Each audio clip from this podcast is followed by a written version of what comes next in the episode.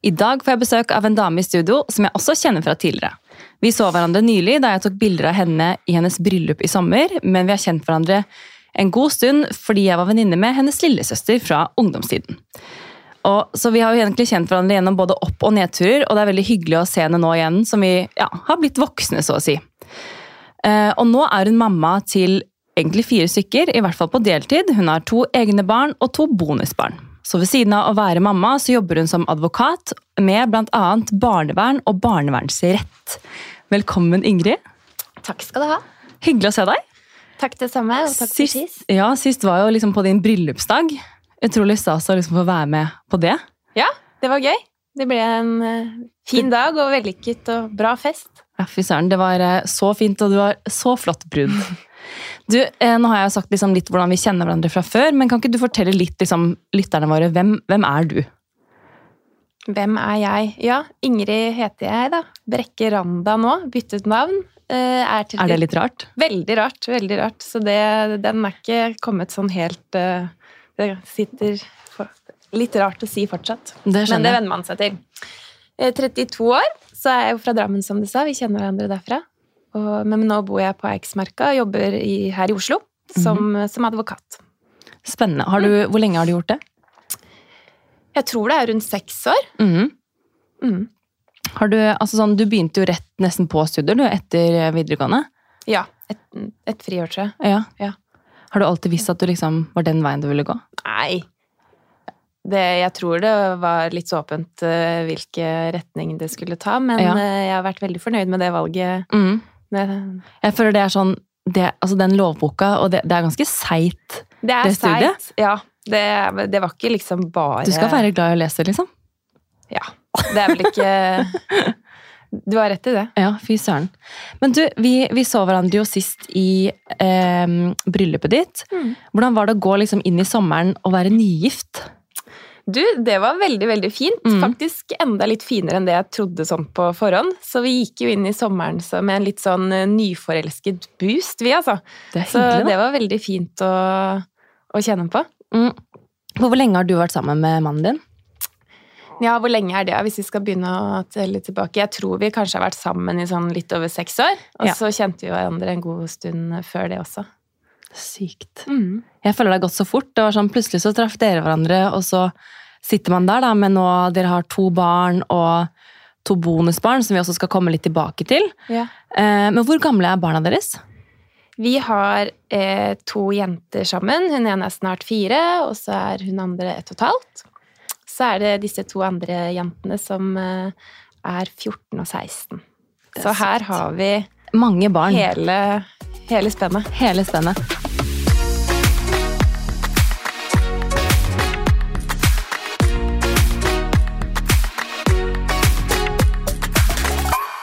Når vi er inne på barn, så Ja. føler jeg at jeg kan jo ikke sitte her uten å røpe en liten nyhet. Det er jeg helt enig i. Fordi at eh, jeg har jo ikke fortalt her på podden at eh, jeg venter en liten eh, baby. Så det var litt sånn godt å få sagt her på podden også.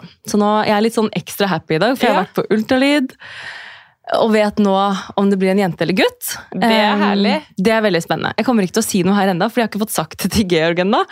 Han sitter på jobb og har en veldig busy dag, så jeg bare gleder meg til vi får ringt og Ja. bare sagt hva Det det er. skjønner jeg, så nå sitter du og bare bobler og gleder deg. Jeg sitter og vet hva det er, Ja, og det jeg får ikke sagt det til noen. Jeg fikk jo liksom. se ultralydbildene, Ja. men jeg klarte ikke å tyde ikke å tyde? jeg, så jeg, jeg skjønte ikke heller om det er en jente eller gutt. Jeg prøvde å gjette da vi var der, og gjettet feil, så ja. Ja.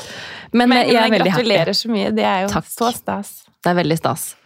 Veldig, veldig stas. Mm. Men uh, vi skal ikke snakke om meg i dag, vi skal snakke mer om deg, Ingrid. Og nå har vi jo snakket litt om eh, Du har vært liksom Ja, du er nygift, dere har totalt fire barn. Mm. Og jeg er jo Jeg vet at det går veldig fint med alle jentene, og, men det jeg liksom har vært litt nysgjerrig på, er Mm. jo liksom hvordan det er for deg å være Kall det stemor. Sier man stemor? Sånn ond stemor. Ja. Jeg prøver å unngå det. Det skjønner jeg. For du kom jo da inn i en liksom egentlig eksisterende familie. Eh, som hadde rutiner, hadde vaner, uvaner, og så skal man komme inn som en slags figur. Mm. Eh, hvordan gjør man det? Ja, hvordan gjør man det? Tror jeg for det første at det ikke er noen sånn fasit eller oppskrift på hvordan man gjør, så det må man liksom finne litt sånn ut underveis. Eh, Men å komme inn i det forholdet, det er sånn min umiddelbare tanke når jeg tenker tilbake, er jo litt sånn at det ble veld, Det blir jo et litt sånn veldig seriøst forhold med en gang, da. Um, fordi at man eh, Det er jo ikke bare meg og han. Altså det, jeg gikk jo inn, og det var en hel pakke. Og den pakka må du liksom vite at du takker litt sånn ja til eh, fra start, når du skal bli presentert for barna, og de skal bli kjent med deg, og så, så er det en, eh, noe, en forpliktelse overfor det på et vis også. Så det er jo litt når man går inn i et forhold med noen som er barn fra før, at det blir fort et seriøst forhold. Og det tror jeg Jeg har jo et par venninner som også har gått inn i forhold hvor det er barn fra før. Og jeg har også spurt de liksom hvordan det er, og da er det jo ofte sånn at man kanskje har jo et ønske om barn selv, men så kommer man inn i en liksom Kall det familiesituasjon, da, som, hvor det er barn fra før. Og så blir man litt sånn Man setter kanskje sine egne behov litt på pause, fordi man vil tilpasse seg Mm. en ny familie da, på en måte først. Var det litt sånn for deg òg? Jeg vet ikke egentlig helt om jeg kan si at jeg kjenner meg helt igjen i det. Det jeg tror eh, vi eh, At jeg opplevde med oss, var at vi måtte snakke veldig tidlig om sånn, litt sånn seriøse ting, og, og de spørsmålene som man kanskje venter litt lenger ut i Mm. forholdet uh, med å ta opp. Men at uh, vi, vi veldig tidlig måtte være ærlige med hverandre og snakke om de tingene. Blant annet sånn som du sier om man ville ha uh, Flere ha barn. flere barn, og fordi at jeg visste at jeg ville på et tidspunkt ha, ha egne barn. Mm. Så, så, så jeg tror ikke at jeg opplever at jeg satt liksom mine behov til side for det, men at man bare startet litt sånn i, En i feil e- ende. ja. Ja. Fordi du er jo eh, storesøster i en søskenflokk på tre. ja. Eh, så du har jo alltid, liksom, sånn jeg kjenner deg, da, så har du alltid liksom vært litt hønemor. ja. På en måte. Du har Jeg liksom har- passet på å Jeg har passet på deg på Du har det. første gang du ble full. Ja, ja. Du har det på hytteturer. Du har liksom alltid sånn Jeg vet ikke. Vi har alltid liksom vært på venninner, selv om du også har vært storesøsteren til liksom en eh, god venninne. Ja. Eh, men eh, du har jo liksom sikkert fått det litt inn med morsmelka òg, da. Ha litt sånn omsorgsevne for barn, liksom. ja, man får vel kanskje litt fort en sånn rolle som, Mm. som storesøster, og at eldstemann i søskenflokken tar litt sånn ekstra vare på de små. Mm. Så det, det kan jo være Jeg vet ikke om det er sånn at det har gjort at man har taklet den rollen som, eh, som være. bonusmor på noe bedre vis, for så vidt. Men, eh, men noe omsorg for de minste. Ja, det har du jo. Mm. Det er ikke noe tvil om, Ingrid. Hvordan har det liksom vært for deg å komme inn i en familie som allerede eksisterer, med liksom egne rutiner, vaner, uvaner, og så skal du på en måte komme inn med dine behov og være en slags rolle, da? Altså, har du måttet forandre deg på noe vis? Når jeg sitter nå i ettertid og tenker hvordan det var å komme inn i det, så tenker jeg at det har gått ganske greit, men så glemmer man jo kanskje også litt de utfordringene og eh, hva som var vanskelig sånn nå, nå så lenge etterpå. For det er klart at helt i starten så var jo det krevende på et vis, og at man måtte tilpasse seg det. Og det var det jo for meg, og det var det for altså alle barna hadde sin versjon og opplevelse av det, og mannen min hadde sin, så ehm, greia ble vel at vi måtte tilpasse oss det nye, og det som vi tenkte på, da, det var jo at det ikke bare skulle være sånn at jeg hoppet inn i noe som allerede eksisterte, men at det som var viktig, var at vi skulle lage noe som var vårt, og skape noe helt nytt. Og det, det tror jeg var litt sånn avgjørende for at det har funket så bra som det har. At vi måtte finne vår greie, og hvordan vi skulle løse og gjøre dette her. Det høres jo veldig fint ut, da. For det er jo En ting er jo de tre som på en måte er i den kalde familien fra før. Mm. Men så er det jo på en måte du også som kommer inn som et, et, et eget, holdt jeg på å si, selvstendig menneske med liksom egne behov. Og jeg tror jo på en måte det ofte kan være grunnen til at folk får konflikter også. At man liksom Ja, men jeg skal bare tilpasse meg det, og så Ja. blir man egentlig sånn i konflikt med seg selv og det man selv Ja. føler er bra for en stor familie, da, på en måte. Ja, man må vel bare være litt sånn raus og tilpasse seg litt, og at uh, man må finne sin greie, tror jeg. Mm. Det er ikke sikkert det er et sånt uh, råd som funker for alle, men det har i hvert fall funket uh, fint for oss. Så da syns jeg også egentlig for så vidt at det, det var litt sånn gøy med det, fordi på et vis så kunne man jo se litt sånn inn i glasskula, ikke sant? På, på um, hvordan Ting som ikke fungerer. som- ja, men, og ting som hvordan man ville håndtere ting, hvordan man så på ting, oppdragelse og utfordringer som kom, og hvordan man håndterte det. Og det ser vi jo nå hele tiden, liksom et, noen steg foran på de to eldste jentene i forhold til våre. Ja, det er sant. Ja, fordi da du kom inn i familien, så var de mye yngre. Ja. Og nå har de på en måte vokst seg opp til å bli tenåringer, på en måte. så nå har du på en måte vært med på den fasen, så nå vet du hva du skal gjennom til de to minste kommer seg På dit. et vis. Det blir nok ikke helt likt, men vi Det har i hvert fall vært ikke. litt igjennom det.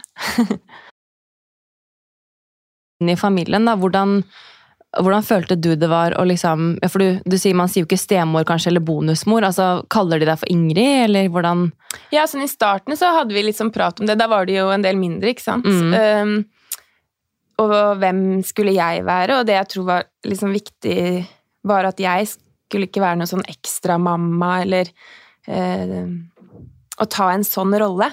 Eh, det er De har en mamma, og det var ikke noe poeng å skulle Eller det ble helt feil å skulle Mm. gå inn og ha en sånn rolle, så man blir jo heller en sånn ekstra person i livet dem som, som blir glad i dem, og som skal bo sammen. Mm. Og det var jo sånn, Jeg var jo så heldig å få være med på bryllupsdagen din fra morgen til kveld. Og da husker jeg spesielt da de to jentene kom inn på morgenen Mm. og skulle være med å ordne seg. og sånn, så var Det sånn, det var så sykt hyggelig å se deg med de, for jeg hadde jo for det første aldri truffet de.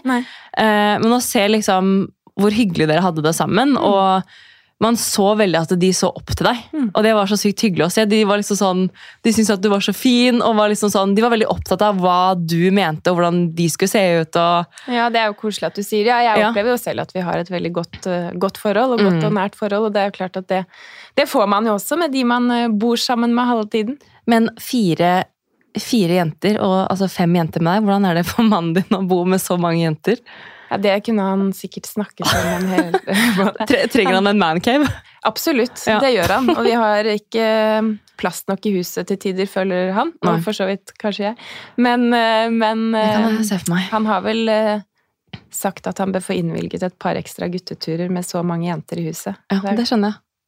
Ikke helt uenig. Men nå de siste årene så har jo livet deres blitt liksom altså Dere har fått to eh, nye barn og har jo på en måte to toddlere og Mm. også to tenåringer da, på litt sånn eh, 50-50. Hvordan er det å liksom ha to så forskjellige alders, eh, hva skal jeg si, alderstrinn hjemme? Ja, hvordan er det? Det er jo Alle har jo liksom sine behov og sine utfordringer, og at det er helt, eh, helt forskjellige behov, ikke sant? Mm. De er jo opptatt av forskjellige ting og trenger forskjellige ting.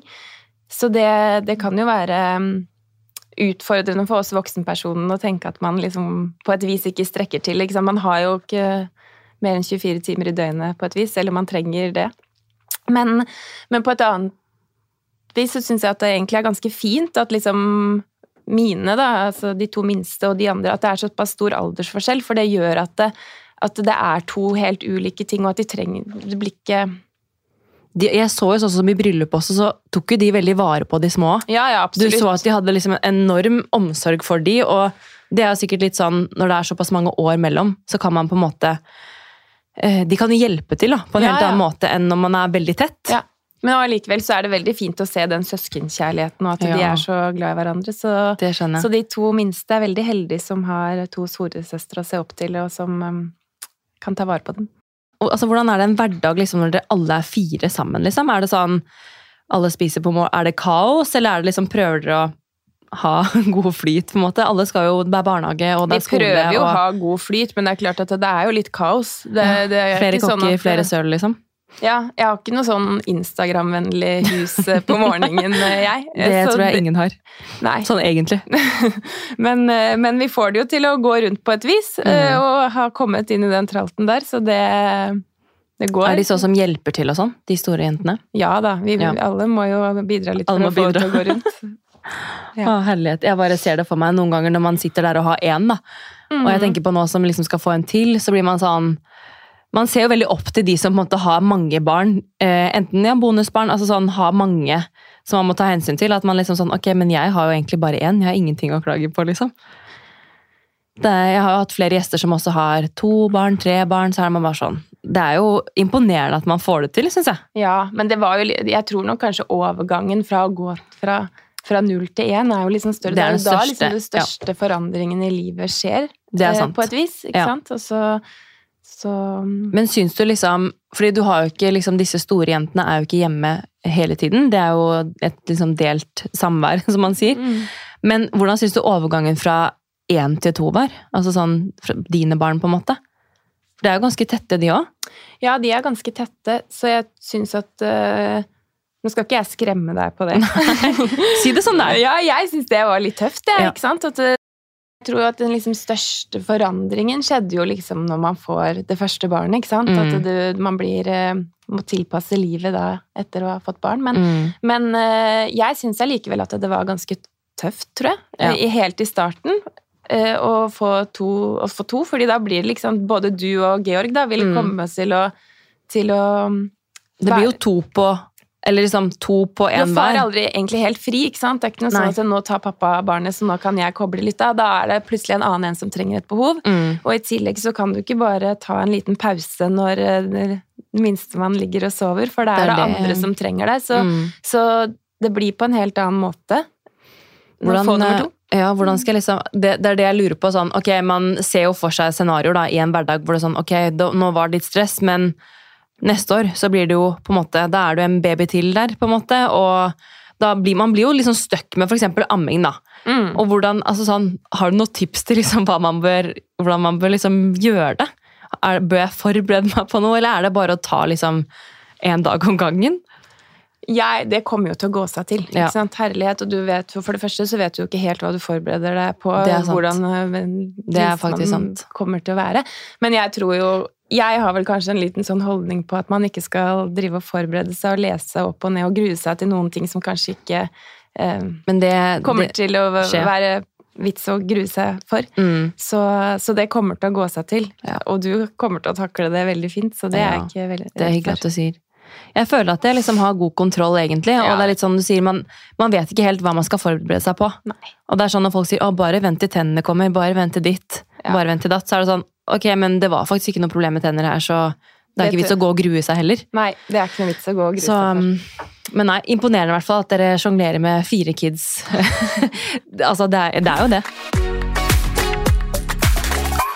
Men du, Ingrid, vi har jo eh, Nå har vi snakket mye om liksom ditt personlige liv, egentlig, og med alle barna. Mm.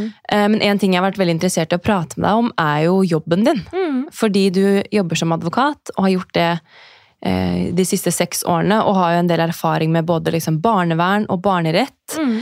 Eh, og i forrige episode så hadde vi jo besøk av Emily og Karoline, som du for øvrig også kjenner. Mm. Eh, og da snakket du jo litt om dette med å mm, altså, gå fra hverandre når man eh, har små barn hjemme. og Sånn som Karoline sa, det er jo liksom, det er jo en del formelt som skal på plass. Og jeg tenker jo, hvis noen av lytterne hører på og på en måte kanskje er i samme situasjon, altså hva er det man må, hva er det man må tenke på når man, når man skal gå gjennom et brudd, og hva, hva er viktig for barna?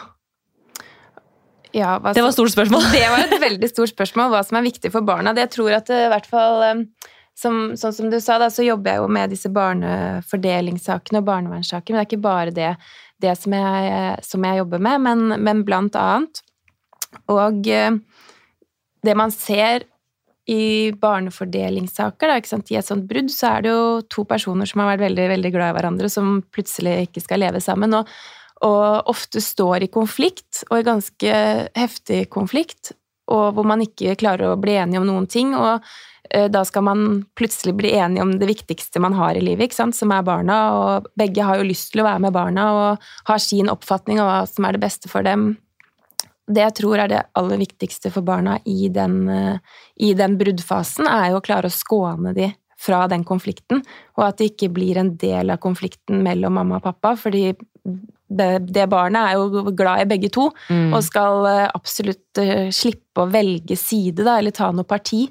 Så det gjelder jo kanskje ikke de aller minste barna, de blir jo fort skånet, men når barna begynner å bli litt eldre, så er det jo fort at man kan komme i en sånn lojalitetskonflikt mellom foreldrene, og det er vel et eh, er jo det man ser ofte kan påvirke barna veldig negativt, og som er viktig at de skånes for. Mm.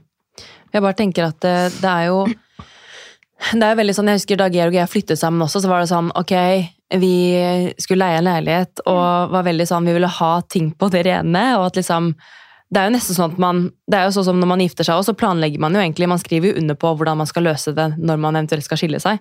Så det er jo litt sånn, man, Jeg sier ikke at man skal sitte og tenke over sånn hvis det skulle gå skeis, men jeg tror det er veldig smart å prate om disse tingene hjemme. sånn, Alt fra, altså, alt fra liksom sånn Ok, hvis en er utro, hva gjør vi? Mm. Eh, hvis en eh, hvis man liksom, hvis ditt skjer, hvis datt skjer, hvordan løser man det på en måte?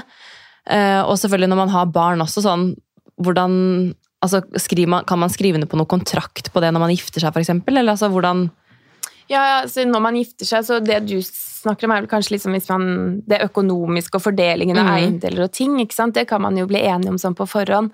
Men um, med barnefordeling og hvor barna skal bo og sånn, det Der gjelder ikke, er det ikke på samme måte. Så du blir, du blir ikke enig om det på forhånd. fordi det er, Er det da mer rettslig Nei, men det må du liksom se hvordan situasjonen skal være på det tidspunktet hvor det eventuelt skjer et brudd. Mm. Så er det jo situasjonen da, og hva som er det beste for barna da, som man skal, um, ta skal vurdere. Og det kan man ikke sitte mange år i forkant og, Ja, og bestemme. Det er. Så, så det er ingen som liksom uh, regulerer man- det på forhånd, nei. Nei, men Nei. si man sitter der, da, eh, eller si at det sitter noen lyttere nå og hører på, og bare sånn har det skikkelig kjipt med partneren sin og finner ingen løsning, og man tenker at det beste for barna nå er om vi går fra hverandre.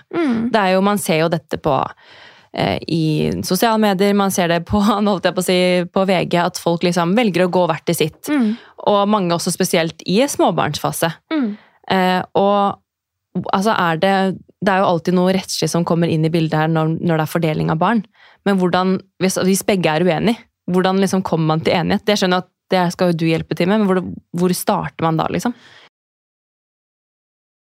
Hvis man går fra hverandre og har barn, så er man lovpålagt å gå til sånn mekling på Mm. familievernkontoret. Og da er det jo eh, meklere som forsøker å hjelpe til å, å få foreldrene til å komme til en enighet og finne en avtale som er til det beste for deres barn. Og hvis man ikke blir enig da, eller der, da, det er jo da man oppsøker gjerne hjelp fra sånn som meg, som, Mm. uh, hvor advokater kan komme inn uh, og bistå. Og da vil jo min rolle være å bistå en av foreldrene, eh, samtidig som man også har et sånt selvstendig ansvar overfor barn, og at det er en løsning som er til barnets beste. Så sånn sett så blir jo barnet litt også en klient, da. Mm. Eh, og, så, vil Det det, jo være at det, det blir en litt sånn forsøk Mange tenker nok at å nei, nå må man gå til advokat, nå vil konflikten bare eskalere ytterligere. Men det er jo, i de typer sakene så er jo ikke det rollen min. Da skal man jo forsøke å, å dempe konflikten og komme til, frem til en løsning. Og hvis man ikke klarer det heller ved hjelp av eh, hver sin advokat, så vil det jo være sånn at saken blir behandlet i domstolen, eh, hvor man eh, også vil få hjelp av en sakkyndig som kan komme inn og vurdere hvor, eh, hva som er det beste i hvert enkelt tilfelle. Nå er det ikke meningen at det skal bli sånn veldig personlig, men det var jo det som skjedde med min sak. Men Det er- du var vel barnevern, ikke sant? Så det blir jo et litt annet spor. Men det ble jo Men- fortsatt tatt opp i retten. Ja, ikke sant? Og det ble jo en ankesak også. Ja. Så det var vel sikkert det som skjedde, da. At det ble en sakkyndig som måtte inn på slutten for å på en måte bistå med den vurderingen, da. Mm. Jeg bare synes det er så Altså, barn blir jo veldig sårbare i det her, da. Mm. Og altså, hvordan opplever du at det på en måte er vanskeligere når, når du har blitt mamma selv, å liksom møte familier med utfordringer? Eller føler du at du klarer å skille liksom, ok, men mine erfaringer på, en måte, på privaten, det klarer jeg å legge Jeg klarer å være veldig liksom Hva skal jeg si profesjonell, da. Ja. Jeg tror svaret er vel ja, at jeg føler at jeg klarer å skille jobb og hverdag ganske bra. Man, sånn som mange andre i sine jobber, så lærer man seg jo teknikker for det. Um, så er det vel kanskje Jeg jobber jo også en del som forsvarer og, så, i straffesaker, og i straffesaker hvor barn er involvert, så er det klart at det, der er jo det vanskeligere. eh, Mhm. Fordi at der møter man barn som, som er, er i situasjoner som barn absolutt ikke skal være i. Så det er jo, kan jo være tøft og for så vidt litt invaderende i privatlivet. Mm. Men, men man klarer å, å skille jobb og hverdag, og i disse barnefordelingssakene og barnevernssakene så tror jeg vel at eh, Velger jeg vel heller å se på det som en styrke at den erfaringen som jeg ha, har når jeg selv har blitt mamma, eh, bruker man eh, Inn. inn i sakene og ser på ting på en litt annen måte enn hvis man ikke vil ha et barn. Så det Mm. tror jeg bare er en styrke. Ja, det er absolutt.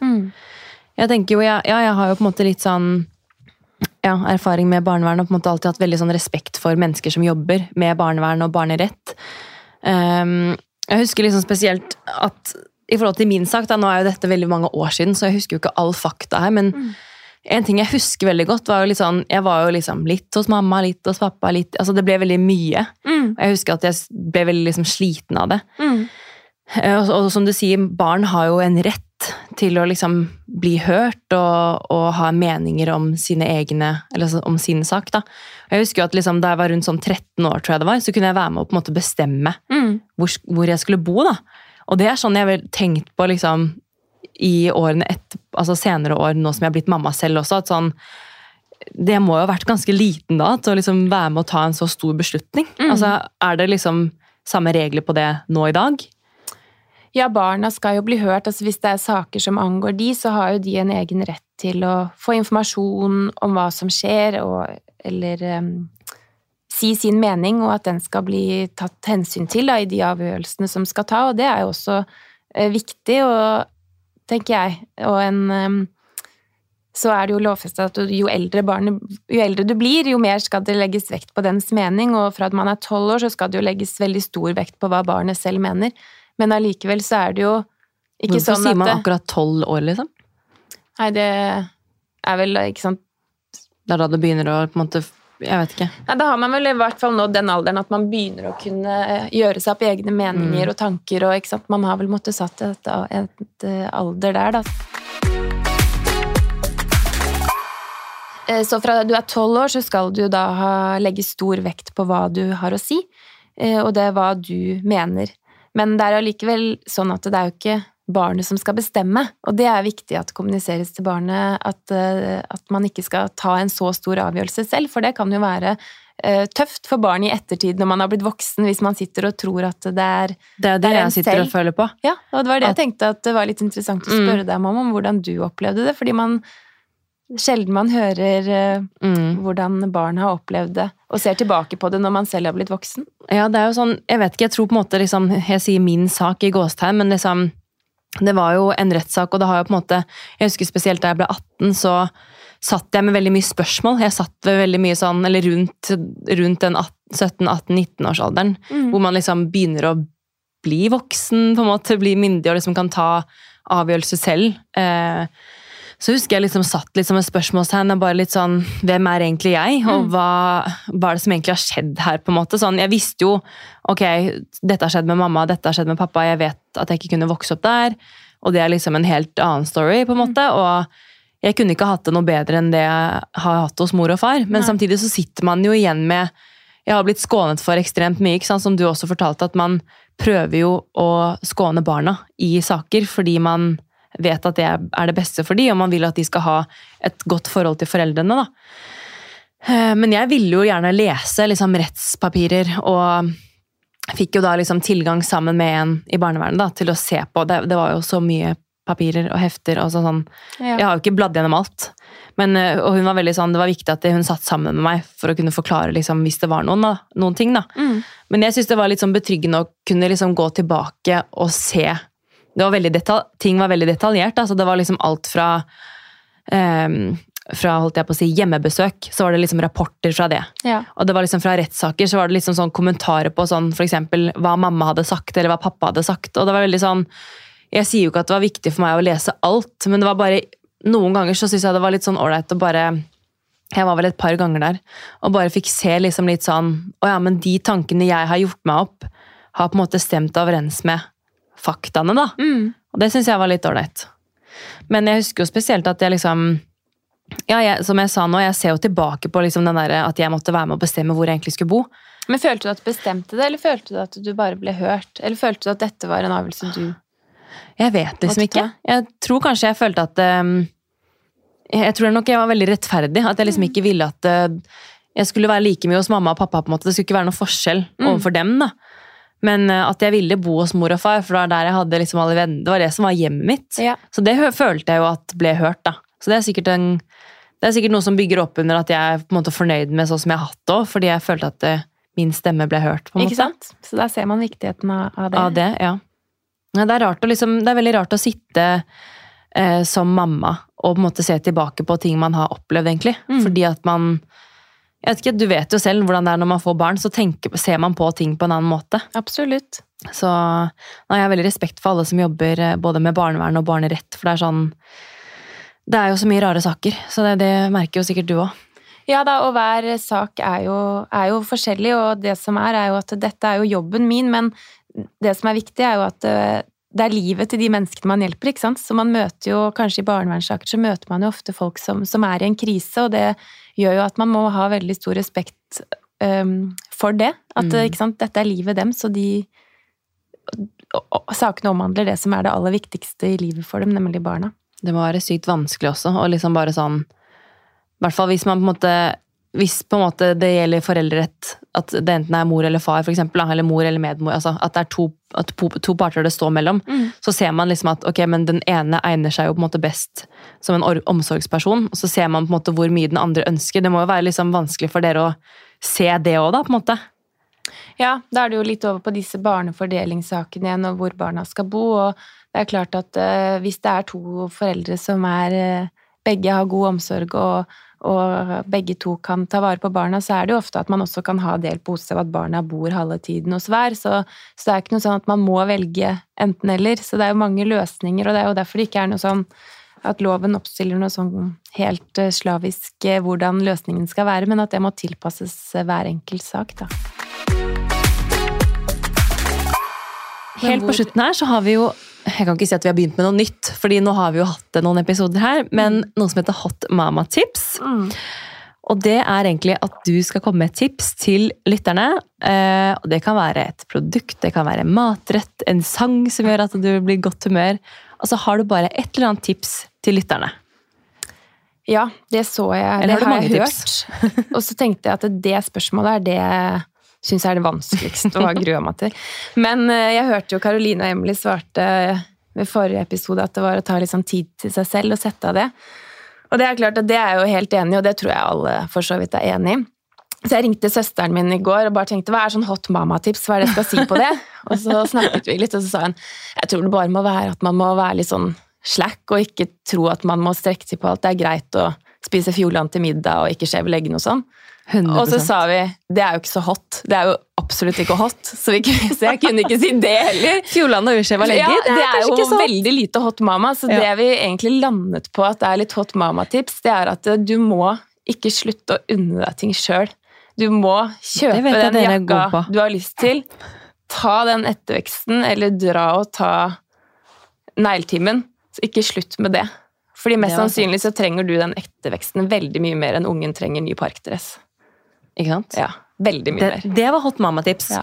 Men jeg tror de fleste kan kjenne seg igjen det der med å gi litt slack. Fordi at uh, er det én ting uh, jeg har snakket om i, den podkasten her, siden jeg startet den for ja, nå ett og et halvt år siden, så er det sånn uh, ned på forventninger. Og det er litt med å gi seg selv litt mer slack. Fordi det er sånn Ok, den kiden blåser i om det står litt oppvask på benken. liksom. Gå og lek med de der Duplo-klossene til hun skal legge seg, ja. og så tar du det etterpå. Det tar fem minutter. Ja. Så det er litt sånn bare Ja, jeg syns det var en bra jeg synes det var bra tips. Både liksom senke forventninger, men også liksom ikke slutte å ta vare på seg selv. Det er viktig. Tusen takk for at du kom til studio, Ingrid. Og så får du fortsatt å nyte hvetebrødsdagene. Ja, takk.